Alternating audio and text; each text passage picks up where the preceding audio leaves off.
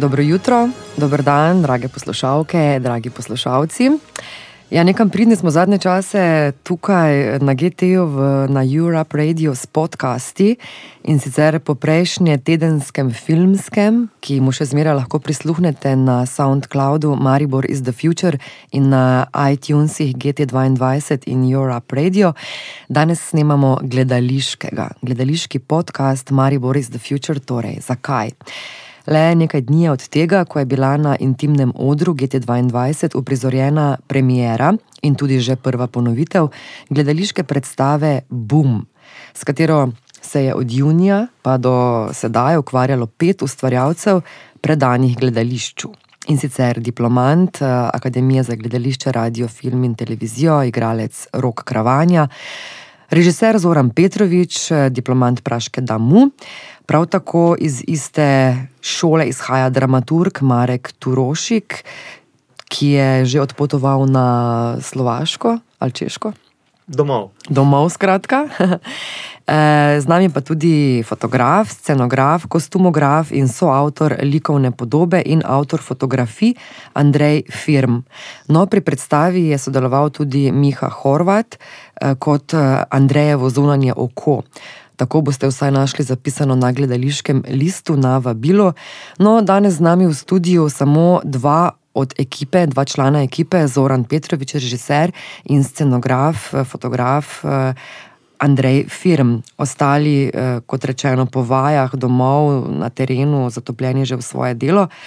Skratka, majhna, pa vendar ne tako zelo majhna ekipa ljudi, ki gledališče tukaj na intimnem odru ustvarja na en svoj način zato ker so se tako odločili, ker to želijo, ker to hočejo.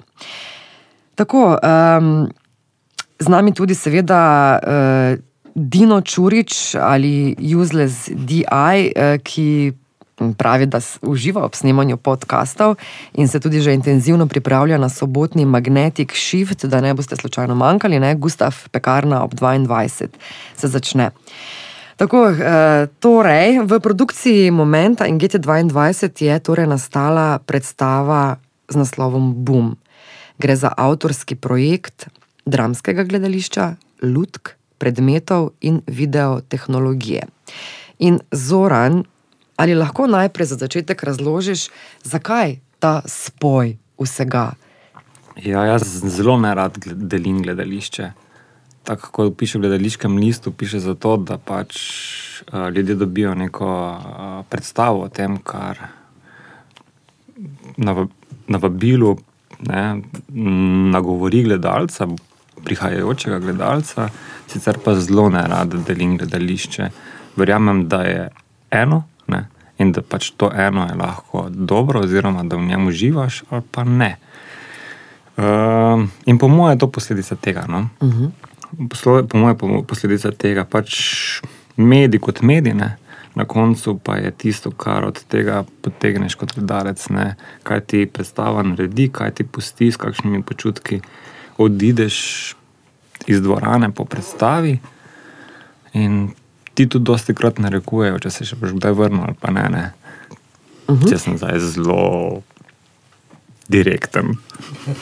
No, na kratko povedano, Boom je pravzaprav življenjska zgodba na nek način ameriškega fizika Roberta Oppenheimerja, rojenega leta 1904 v New Yorku, umrl je star 62 let. No, in posebej za to predstavo je vstal od mrtvih in pred nami v podobi roka Kravanje, ki ga bomo potem poklicali, vstal oče atomske bombe. Zoran, na sumu te imam, da si ti Oppenheimerja nekoč že srečal in sicer v času svojega prvotnega študija fizike. Drži? Ja, ja sigurno. Uh, ampak ne za tako, da bi poglobljeno karkoli razmišljal o njem.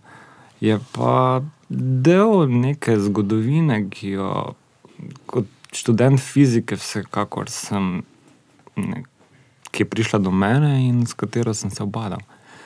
Tako da, ja, sem ga srečal. In uh, je to ostalo res iz tistih časov, da si, to, da si prišel na to idejo, da si želel predstaviti ne, ne, ne, ne, ne, ne, ne, ne. Uh, pač predstava je del dvoletnega projekta Unplugged, iztekani. In ta združuje nekako vse te prvine, ki si jih na začetku naštela, od eh, gledaliških, eh, lutkovnih, videa v živo, eh, tehnoloških. Um, to je kot projekt nekako zapakiran v celoto. In uh, v okviru tega dvoletnega projekta se bo zgodilo uh, štiri solo, se bodo zgodile štiri solo predstave in ena pol skupna. Ne? Uh, nekako bomo združili ustvarjalce ali pa večino ustvarjalcev, ki, se, ki so se srečali ali pa delali na teh solo projektih, kasneje v večjem projektu, ki pa seveda ne bo solo, ne? združeval bo vse štiri igralce iz prejšnjih projektov in tudi nekatere druge soustvarjalce teh predstav, teh solotov. To bo drugo leto? To bo drugo leto, ja. ja. To bo zaključek, to bo finale tega mm. dvoletnega projekta. Mm. Oppenheimer je, torej velja za očeta atomske bombe, kar je dovolj zgovorno dejstvo, in material se kar sam ponuja za uh, razno razne uprizoritve. Uh, in za premisleke. Pa vendar, eh, zakaj, zakaj prav on, zakaj prav zdaj? Eh, začeli ste pravzaprav predstavo delati iz nič, tako rekoč. Ja, ja, ja, ja. neka osnovna ideja je bila, ki je pač povezovala, ali pa ki gre skozi to linijo, uh, unplugged, solato. Mhm.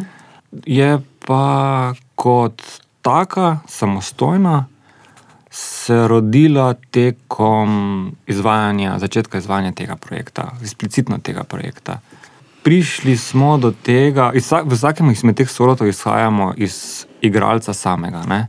kaj njega zanima, kaj ga bavi, kaj ga tare, kaj ga potegne, kaj ga nasprotni temu, kaj ga odvrača, čustveno dražji, in tako naprej. Uh, in prišli smo do enega romana, Frankenstein, ki ga seveda marsikdo pozna, predvsem iz filmov. No? Roman je precej drugačna zgodba in tam govori o tem uh, znanstveniku, o tem norem znanstveniku, ki ustvari pošastne. In uh, s katero se kasneje mora soočiti. Ne? Torej, je ustvarjalec, je tisti, ki ustvarja in je ob enem destruktor, ne?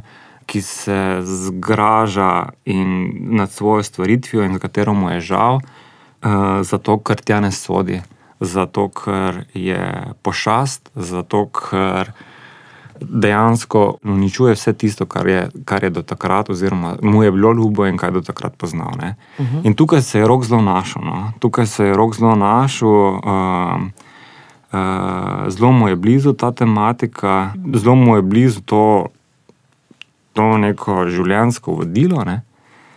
In smo iskali, in smo iskali v zgodovini neke te podobne primere, ki bi nam lahko prišli prav. In Oppenheimer je tistim, s katerim smo na koncu tudi obstali. Mm -hmm. Andrej, ti si bil zraven tudi že od vsega začetka pri tem procesu in si šel dejansko tudi skozi isti proces na nek način kot Zoran, kot Rok, kot Marek. Uh, ali kot vizualec, vendar le greš po neki svoji poti, kdaj, kdaj ti pridejo in na kak način tiste ideje, kdaj se ti ta vizualizacija začne konkretizirati, kdaj veš točno, da ja, to je to, to bom dal na sceno. Mm, pot je bila skoraj identična. No. Ko me je Zoran povabil v projektu, še na tam, ko nisem vedel, kaj se spuščam, oziroma kako bo ta proces vsega delovanja. Za mene je tudi vem, taka oblika bila prvič, tako za druge, mislim, da tudi, no, je dokaj tako, da se podarja neke vrste ta gledališki laboratorij. Uh, po drugi strani pa v bistvu mislim, da smo z iste, z nulte točke vsi štartali. Se pravi, ne vem, Zoran je uh, predal literaturo, rekel je, da boš nekje na isti valovni dolžini. Preberi Frankensteina, preberite neke spise oziroma eseje, ki so še ostali, ne, ki tu nekje uh, imajo skupni imenovalec. In pol smo dejansko da, skupaj začeli graditi ne, iz vsega. Tako da moja vizualizacija tega je nastajala sproti, kar za mene je bilo nekaj novega, ker drugače kot v fotografiji, če delamo avtorsko. Se gradi iz nekega koncepta, ki imaš vse manjšo predstavo, kaj se bo dogajalo, oziroma kam, kam greš. Tukaj pa na začetku je bilo ravno obratno, da sem najprej vso to vsebinsko literaturo, pa vse mm, polnil sebe, ne, pa že nekako si predstavljal, nisem pa vedel točno, v katero smer gremo. Ne, ker se je prvi si predstavljal Frankensteina, pa, ne, pa še neka druga dela, ki smo si pol, se malo lovili, pa iskali, v katero eh, istočnico si bomo na, nadaljno izbrali. In, uh, uh -huh. Je to bilo čisto novo. Uh -huh. Pol še le smo mi prišli do, tako je Zoran zdaj podaril, do Oppenheimera, pa do vsega tega. In pol sem jaz mogoče malo stran tega, medtem ko so oni bili uh, v teksti, pa vsebini sem jaz nekako proval vizualizirati uh, ta svet, pa kam ga umestiti na samo predstavo. Uh mhm. -huh. Zanimiv je tudi način, oziroma odkot vse potem. V, ko si zamisliš eno idejo, odkot vse potem pridobivaš vse te scenske elemente. ja, um, to pa zdaj, moj svet je kar razpršen, kar se tiče vem, iz video igric do filmov, do vsega, tako imam kar veliko bazo v glavi. Včasih me to tudi v bistvu moti. -huh uh, ker imam pol preveč teh nekih predstav, ampak tukaj smo bili uh, kot ekipa, ne, se pravi, dejansko moram povdariti, res je to skupinski avtorski projekt. Oziroma, skupni in uh, tudi uh, dramaturg Marek in uh, Zoran sta v nekem trenutku znala mene omejiti, oziroma mi dati prave vsebinska vodila, da sem se jaz lahko fokusiral na neke stvari. Ne, tako, ne, ne me zaradi zdaj predstave, ampak če malo vizualiziramo predstavo te televizije, pa to smo izhajali tudi kako narediti ne, ta, tega Oppenheimera v tistem trenutku zanimivega, oziroma ali ko še niti dejansko študija nismo imeli preveč izrisanega, imeli smo pa to neko borbo teh notranjih likov. Ne. In tu smo čist spet iz nule gradili, ali, ali naj bo to v živo, ali naj bodo posnetki. Ali, ne, malo po malo se je to gradilo. Uh mhm. -huh. In tako je pol, tudi sceno po sceno smo tudi uh, nekako testirali. Morali smo provati, kaj dejansko deluje v, v, z samim tekstom. Pa dosti krat, v bistvu, še teksta niti ni bilo, ne, ampak je bila čista rokova improvizacija, ne, ker se je videlo, da bom da, to, da uživa v tem, in smo poli iz njegove improvizacije črpali, v enem pa sem jaz tudi dosti črpal, da vidim, v, v katero smer lahko nastavljam sceno, ne, mhm. kaj bi delovalo. Mhm.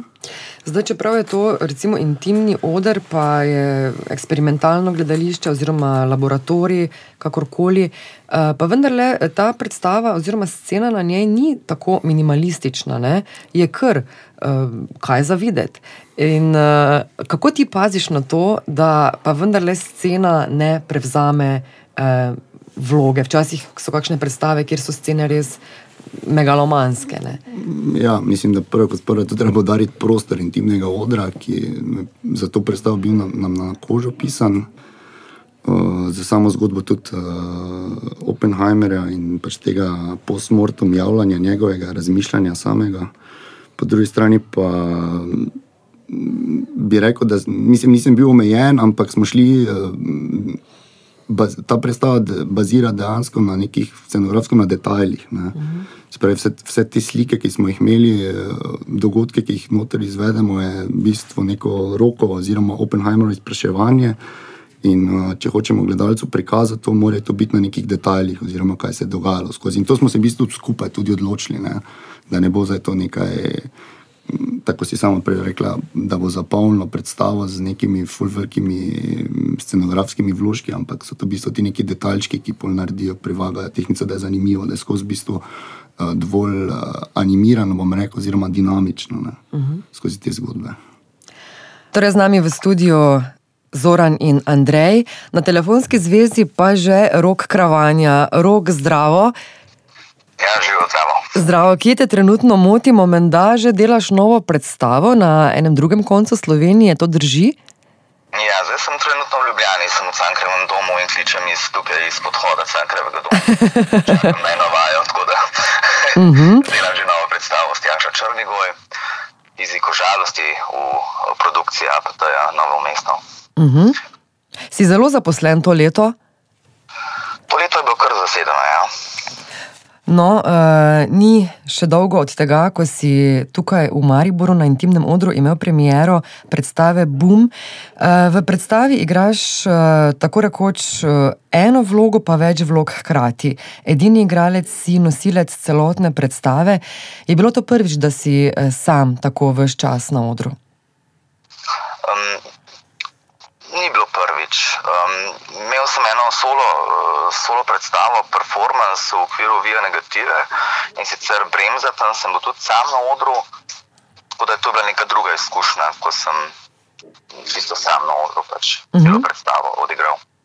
No, uh, s čim, uh, s kakšno mislijo se ti opremiš, iz česa izhajaš, ko veš, da boš uh, na odru sam? Ti, je, to, je to neka posebna, posebna priprava, že v izhodišču, ko ste začeli recimo to delati, to predstavo Bum? V bistvu nimam neke posebne ali pa drugačne priprave, za razliko od recimo. Um, predstav, ki jih delam kolektivno. Ne. Se pravi, tako stopamo, zdaj, če se, če se predstava dela kolektivno, potem mi tako pristopamo z nekega režijskega koncepta, v njem eh, razglabljamo, probamo najti kakšno idejo, eh, preberemo kakšno literarno delo in tu smo tudi mi na nek način tako. Postopali. In potem sem nekako uh, tudi jaz prišel do neke svoje ideje, kaj je meni zanimivo, jo delil z režiserjem, dramaturgom, one da sta to nekako tudi kar pograbila. Uh mhm. -huh. In potem smo delali, razvijali na neki ideji, na neki misli, na, neki, na nekih uh, čustvenih zadevah, ki se kot umetnika mene tiče, zakaj sploh nekaj delati. Tako, tako, uh mhm. -huh. Na tak način. No, v čem ti je bil torej, glavni lik predstave Oppenheimer najbližje, tako kot človek osebno, v čem pa si ga ob delanju predstave morda malce težje zasledoval? S čim, si se, s čim si se lahko tako identificiral, kaj je bilo pa tisto težje? S čim sem se najbolj povezal z likom? Zagotovo z, z njegovo ranljivostjo. No? Mm. Se mi zdi, da nekako Oppenheimer kot storilec atomske bombe je potem, kar je naredil, se pravi, snoval orožje za množično uničevanje in s tem, ko je videl, kaj je naredil s tem, postal popolnoma drug človek, verjetno. Ne? In um, tudi jaz, kot nek umetnik, ko pač ustvarjam neke, neke predstave in tako naprej, tudi jaz se marsikdaj na neki točki ozrem na svoje delo in rečem, joj, tole pa mogoče ni tako, kot sem si predstavljal, da bo, ali pa to je pa mogoče v meni, ali pa mogoče v publiki um, um, rezoniralo drugače, kot sem pričakoval, kot sem mislil. Ne. To je čisto neka posebna naravna stvar, ki se zgodi v procesu, ampak v bistvu tu sem se najbolj nekako poistovetil z, z, z tem likom Oppenheimerja. Ne. Se pravi, neko svojo kreacijo, ki jo narediš, um, uzreš na nek drugačen način, ki si misliš, da pač ni mhm. možno. No? Ampak tu potem vzreš to kreacijo in se zazreš v to in vidiš, da se mogoče pa ni to, to kar sem želel s tem. Na meni nekje drugje. Mhm. Eh, Rok, sicer si igralec na Svobodi, diplomant eh, Akademije za gledališče, radio, film in televizijo. Predtem si eh, diplomiral tudi iz slovenščine, drži, tukaj v Mariboru? Uh, ne. ne. Ja, jaz sem v bistvu učitelj razrednega pouka. Začel sem na, na Mariborski pedagoški fakulteti. no, uh, kako, kako to, da si prišel v Maribor, uh, že v večjih predstavah tukaj v momentu, oziroma na intimnem odru, si igral, sodeluješ z Zoranom Petrovičem. Uh, kako to, da, da si prišel sem, da si se povezal s temi ljudmi, ne pa recimo, da si šel v SNG dramo? To uh, sicer ni osamljen primer, igralci danes uh, igrate v ne samo institucionalnih gledališčih, pa vendar, uh, zakaj ti je to všeč?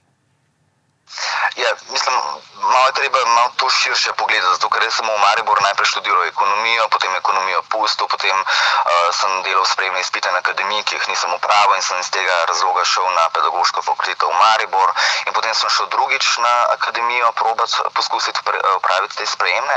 No in ko sem jih v drugo naredil, sem seveda tam potem bil v Ljubljani štiri leta, ampak nekako v času, v mariborskem času sem pa jaz v bistvu z momentom že delal, ne? se pravi, mi smo se leta 2007 nek, nekako zbrali in delali ena mlada kolektivna uh, pač, uh, ekipa. Uh, Ker smo delali najprej mi popotnica, oziroma ne, najprej so bile počitnice 2.8, potem pa popotnica 2.9. Um, no, in tam sem se jaz nekako najbolj uh, z momentom tudi povezal. In zdaj, ko sem končal akademijo, me je Zoran pač povabil najprej k predstavi Lovci na srečo, kasneje zdaj tudi na predstavo Bum.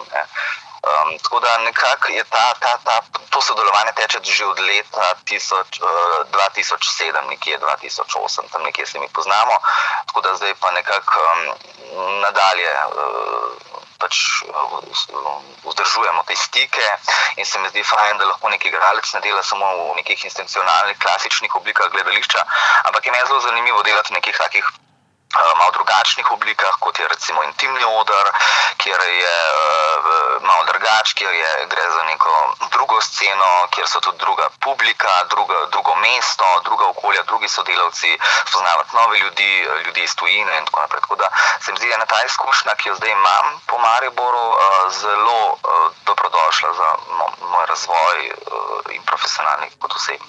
Uh -huh. Omenil si občinstvo drugačno.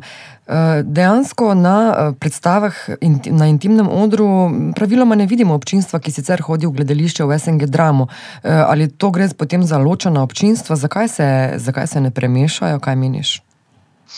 Jaz mislim, da, da je problem v tem, da nekdo reče, ne vem, gremo nekam v dramo ali pa tako mogoče. Je mogoče to prvo ena zavora, ah, to je pa drago, to je pa za elito, to je pa nekaj, kar je tam za, za neke drug sloj. Mhm. Mladi velikrat naredijo potem tako hiter uh, stop, ne?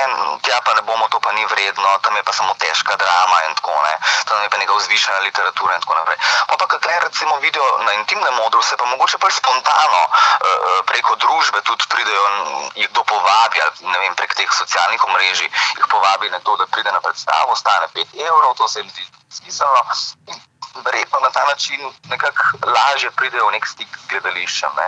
Ni, tako, ni, ni tako neke.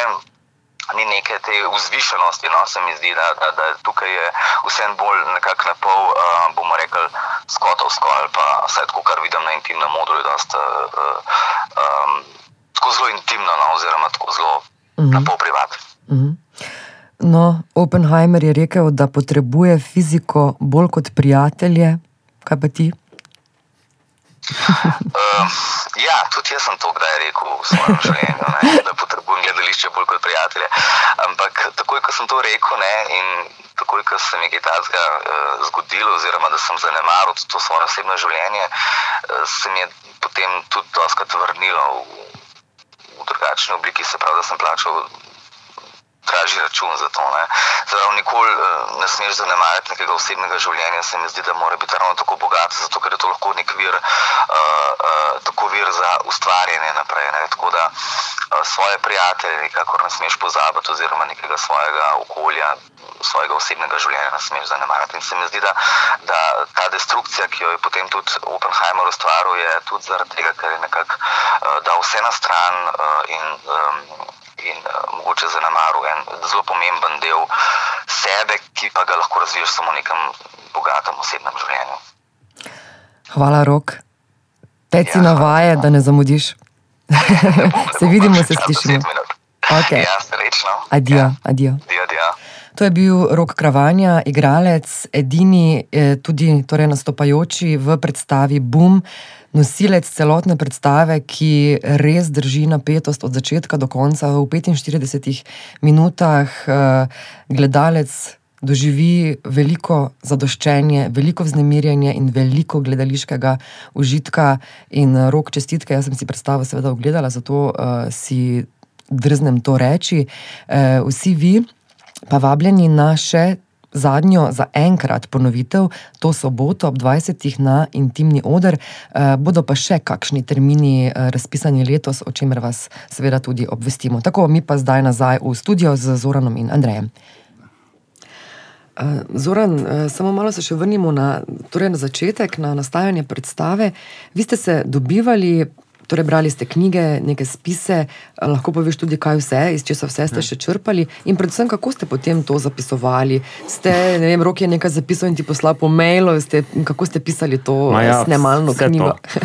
vse to. Uh, uh, uh, to je pač. To je tako kompleksna pošast. Mislim, da na koncu mogoče ne deluje tako, da bi bilo karkoli kaotičnega v tekstu, ki je interpretiran skozi predstavo. Ampak dejansko je od tega, da smo se dobivali na istem prostoru, pa da smo debatirali, pa da smo dva tedna samo debatirali, ne, pa zapisovali stvari na tablo. Ne. Imeli smo štiri table, čez celo steno popisanih, vse fotografirali, takrat, ko smo zbrisali tablo, da smo lahko zadevo uh, nadaljevali tam, kjer smo prejšnji dan končali. Uh, od tega, da, da smo že bili v prostoru, pa da smo določene stvari preizkušali, pa da niso funkcionirale, pa da smo jih mogli ponovno, ne, kar v prostoru, smo si tablo prenesli dol v, v najtimni odr, pa smo začeli pisati. Ne, in so določeni dialogi nastali tam. Potem je stvar za kakšen mesec bila postavljena na, na, na stranski tir, mi smo že začeli delati zaljeno predstavo, naslednji solo. Uh, z rokom smo se kasneje dobili preko Skypa, pa smo pisali vsak na svojem mestu, na vsakem svojem koncu in dopolnjevali tekst. Ne. In potem smo zopet prišli na, na kup ne, in ponovno preizkušali stvari, dopolnjevali in dejansko se tekst nastajal.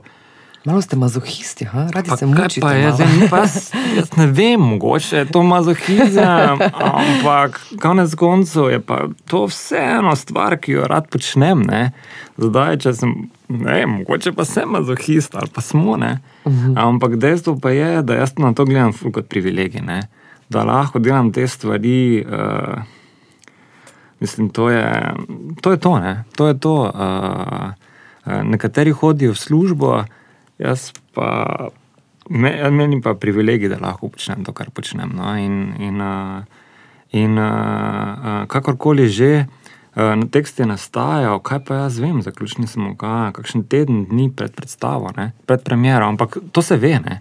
Določene stvari nastajajo, določene stvari, ko delaš predstavo, sedejo še isti dan, ko je premjera, še le takrat, ne. dve uri pred premjero lahko določene stvari sedajo. Mm.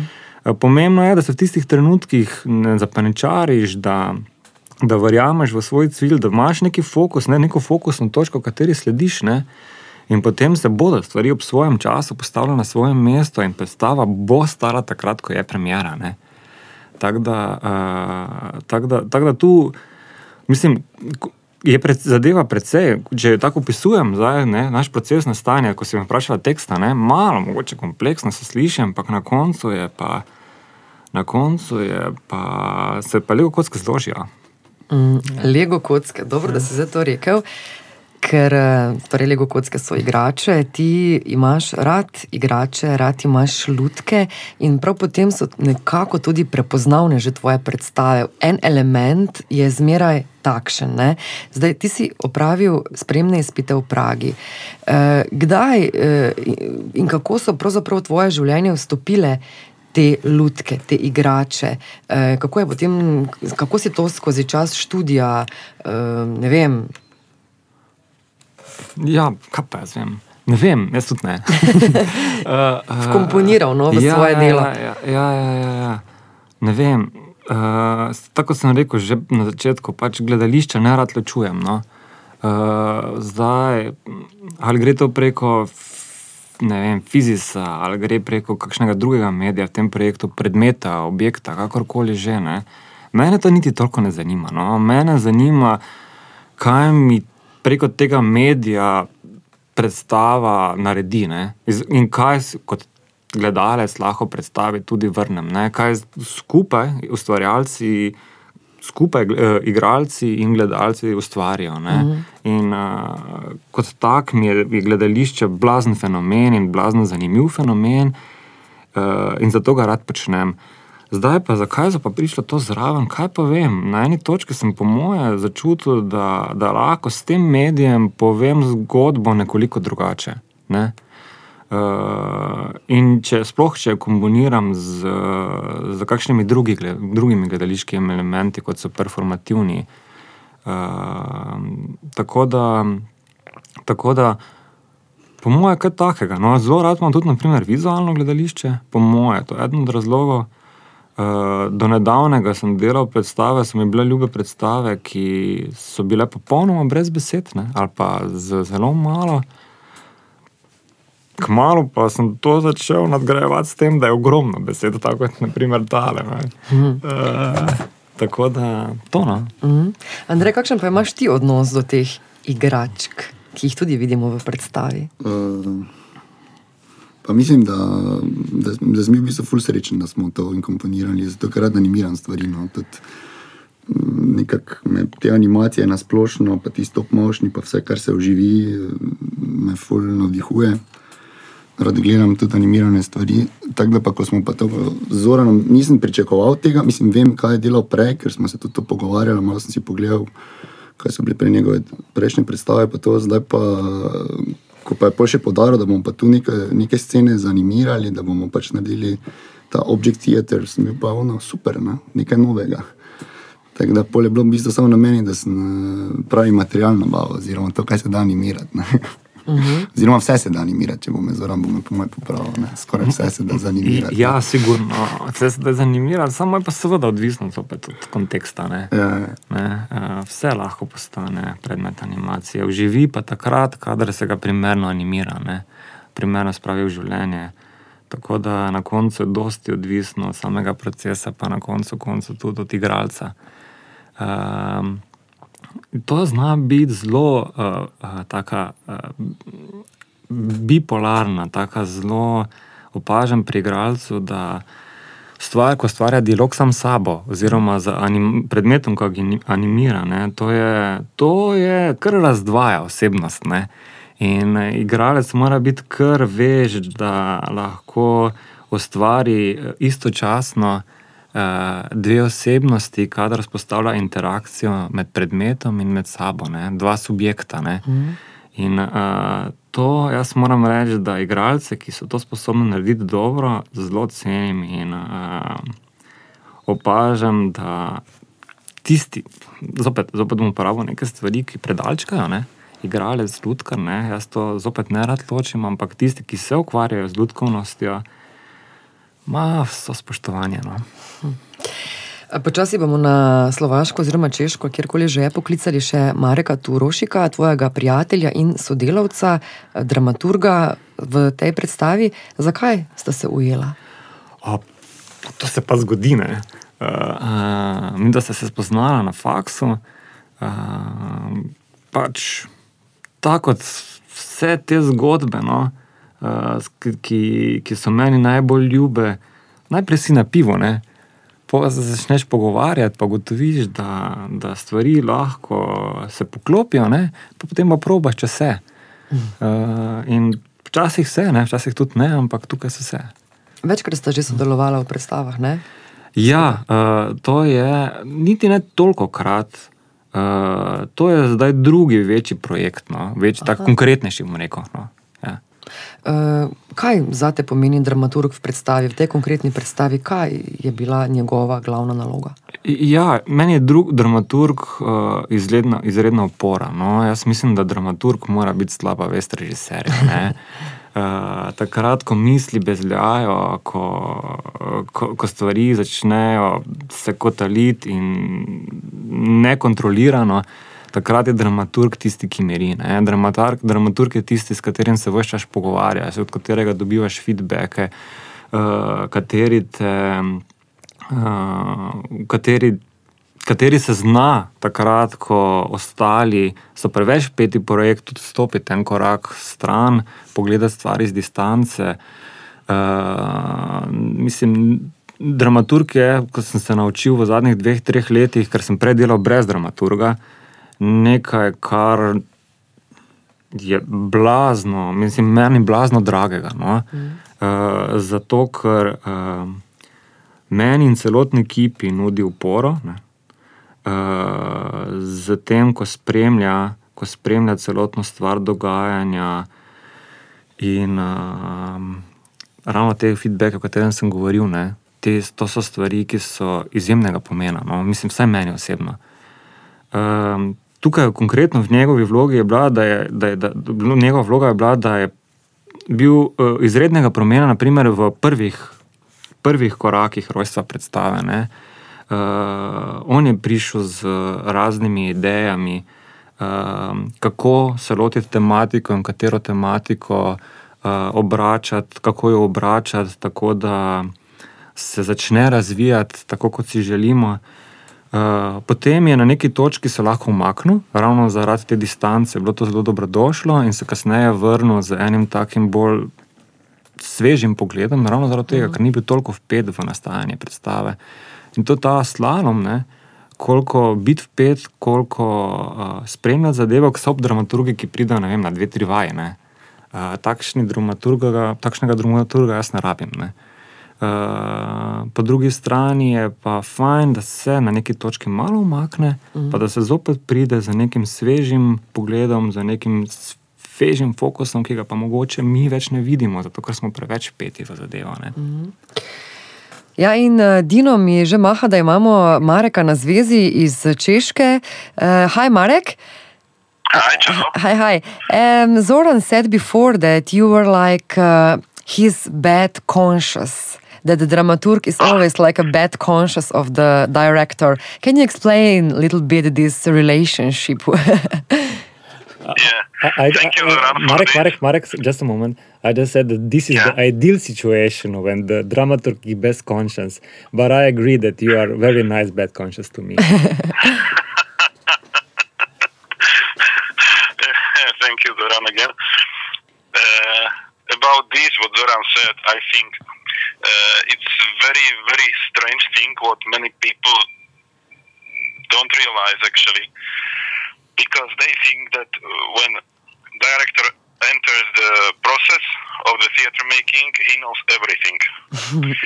if this is true, there is uh, much more or less possibilities and space for the creation of the others.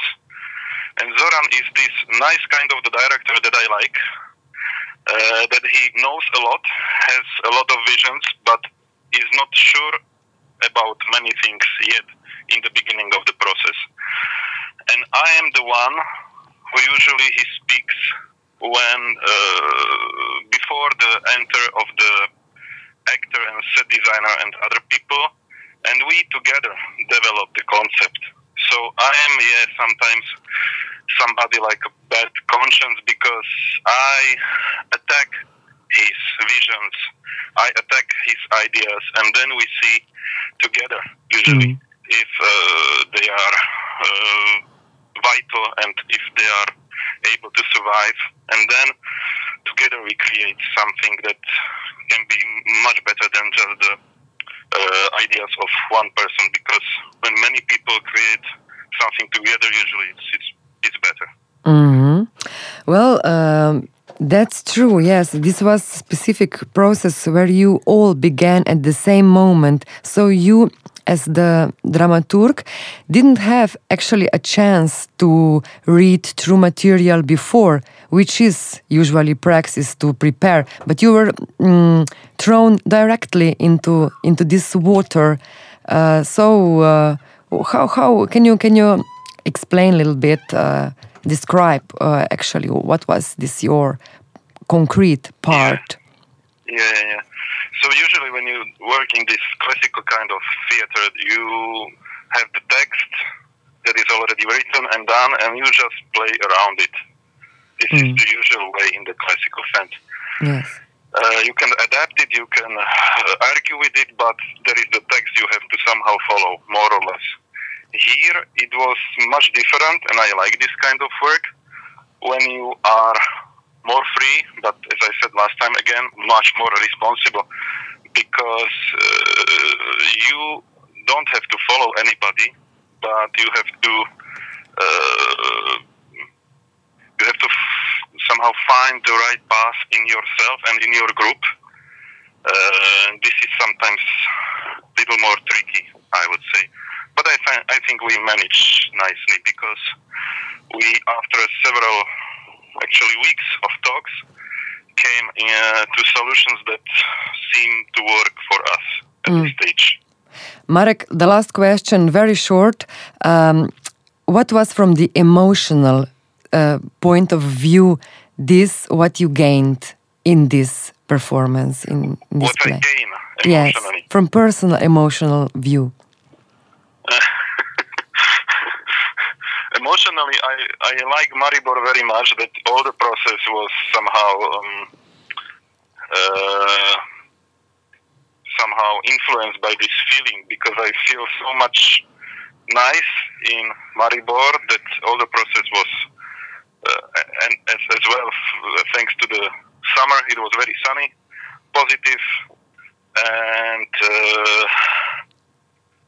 very, I would say, yeah, very nice. Yeah, it was nice to have you here, Marek. It was nice to have you on the uh, telephone contact now. Uh, we uh, wave you from the studio. and Thank you uh, so much. yes, uh, and uh, looking forward uh, to see you soon uh, in the name of, of, the, of the group uh, here in Maribor. Yes. Yeah, thank you. Have a nice time. From sunny Prague. Uh huh. Greetings from sunny Maribor. Bye bye. Ciao, ciao. Yeah, great. Ciao, ciao. Hi, guys. Ciao. Ciao, Take ciao. care.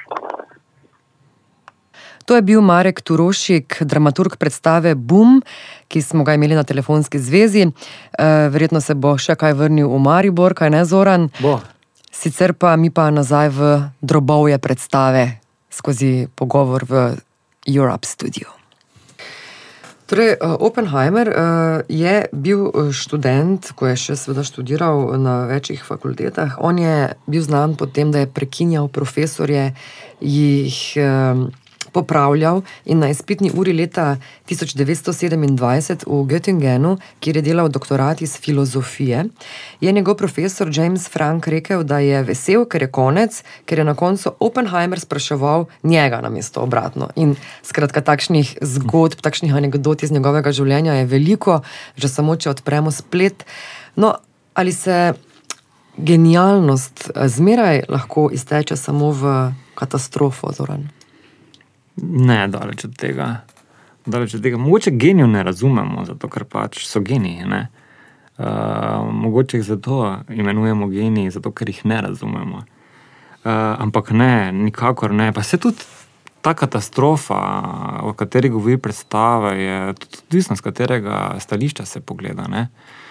Uh, ja, mislim, je katastrofa, po drugi strani pa se tudi skozi predstavo sprašuje Oppenheimer, ne, uh, rok. Ne, uh, kaj bi bilo, pa če ne bi bilo? Ne? Mislim, mogoče bi pa zdaj vsi govorili nemško. Ne? Uh, tako da, tako da uh, ne vem. No, tudi, tudi te predstave nismo želeli graditi enoznačno, moralistično, kakorkoli že. Uh, tudi to ni zgodba, ki je izključno Oppenheimerjeva, to je zgodba, ki je naša, ki je rokova. Ne? Uh, izhajali smo, kot sem že na začetku povedal, precej iz osebnega. Ne? Meni je zelo ljubo, da je gledališče osebno.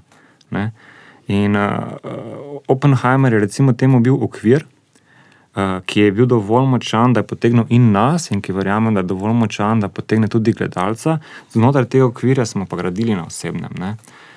Uh, tako da, daleč od tega, jaz mislim, da geniji so tisti, ki, uh, ki peljejo naš svet uh, uh, naprej, ne? razvoj našega sveta naprej. In pač katastrofe so mogoče samo del te poti, uh, del našega razvoja, ki pa jaz mislim, da vseeno je, je, je pot evolucije. No, na tej točki bomo pravzaprav uh, zaključili današnji podcast. Vama pa še zaključna misel, uh, kako se počutite zdaj, ko je ta otrok rojen, torej predstava je vedno na nek način otrok vseh ustvarjalcev. Uh, zdaj v soboto še ena ponovitev, komaj tretja. Uh, Kako je, kako je s tem? Ja, torej, predstave so fajn, če, če en čas živijo, da se usedajo, igralci se dobro počutijo, potem tudi, kadar se predstava ponavlja. Vemo, da je vsaka predstava na nek način drugačna. Koliko misliš, Zoran, eh, pa Andrej, da vam bo uspelo teh ponovitev? Koliko? Uh, ja, ne vem. Ne vem. Uh, definitivno še bodo, definitivno ne bodo samo tukaj. No. Uh, dogovor je za Ljubljano, nekaj ponovitev bo definitivno tam. Uh, tudi na festivale se nameravamo prijavljati, od vseh teh nacionalnih, pa seveda na, nadnacionalnih, mednarodnih. Uh, tako da jaz mislim, da tega je nekaj, kar bo. No. Uh, kot, sem, kot sem že povedal, je to kar specifičen projekt, ki združuje več teh proje manjših projektov, manjših, manjših predstav. Ne? Uh, tako da vsaka bo imela svoje življenje, vsaka bo imela svojo ponovitev. Uh, koliko bo pa zdaj tega v številkah, si pa ta trenutek ne upam, ne upam napo, napovedovati. Pustimo torej to. No, Andrej, eh, Zoran je prej rekel, da, so, da se že nastajajo v GT oziroma na intimnem odru nove predstave v tem projektu Unplugged. Boš sodeloval tudi pri njih? Mm, Pri naslednjem bom samo gledalec, predvidevam, oziroma pomočnik. Če bo kaj, pol pa bomo videli, kako bo za naprej. No, nismo se še kako pogovarjali. Naslednja je bolj ženska ekipa, ta je bila bolj moška, ne? taki Atej, Oppenheimer, jaz smo bili predstave Boom. Ne? Naslednje bo, bo, bodo pretežno mame. Ne? Uh, Monika bo uh, naprimer, imela Andrejevo vlogo, uh, uh, Toni Sobrano, alias uh, Medka bo tista, kar je bil Miha. Oziroma, ta, čeprav si predstavljam, da bo, bo, bo vseeno nekak, neko konkretnejše sodelovanje se razvilo iz tukaj, iz, iz, iz, iz tega tandema. No? Uh, pa ne, da to ni bilo konkretno. Malo drugačno, to hočem povedati. No? Uh, uh, tako da, hod, hod, mogoče še fajn, da povem to, no? da, da, da to so vse in Andrej in Monika. Uh, sta mlada scenografa, ki se scenografijo in z likovno podobo predstavlja, uh, šele pravzaprav res uh, soočata, imata pa zraven uh, izkušenejše kolege, uh, tudi v mednarodnem prostoru, bomo jaz rekel, kar zelo izkušene. Uh, tudi v mednarodnem prostoru, kot sta Miha in Metka. Ne. Tako da uh, zelo se trudimo ta, s tem projektom, ki ga jaz vidim tudi zelo laboratorijsko, da, da, da spostavljamo te neke nove razvojne smernice in uh, vabimo ljudi, ki jih to zanima in v katere verjamemo, da, da, da se lahko marsikaj razvijajo. Igra pa v tej predstavi novi kdo? Zalana, Zalana Štiglic. Okay. Um, v redu. To je to, nekaj smo povedali, marsikaj uh, bi še lahko, ampak uh, najboljše, da si pridejo gledalci sami pogledati to predstavo. Um, ja, to še ne. Uh, vedno reče, reče, oziroma se sliši uh, ta stavek, ne, uh, naj vsak pride pogledati predstavo, pa naj si ustvari svoje mnenje. ne. to je taki nek kliše. Ali se, se, mislim, da vsak si seveda ustvari Ja. svoje mnenje, ampak eh, mogoče za zaključek samo še, kaj misliš ti o tem? eh, Se mora gledalec malo prej izobraziti, si prebrati kakšen tekst, eh, ali gre lahko kar na suho na vašo predstavo in uh, Ja, si najkar- ustvari svoje mnenje. Najkar pride. Jaz si včasih niti ne vem naslova predstave, na katero grem. Tako da naj samo pride, jaz mislim, da ni potrebne dobene podlage. Uh, tako da, ja, kar. Ne? Ja, vabljeni. Atomsko in neatomsko. Hvala, Andrej, hvala Zoran za gostovanje v studiu Europe Radio GT2. To je bil podcast Maribor is the Future in uh, se še kaj slišimo. Adijo.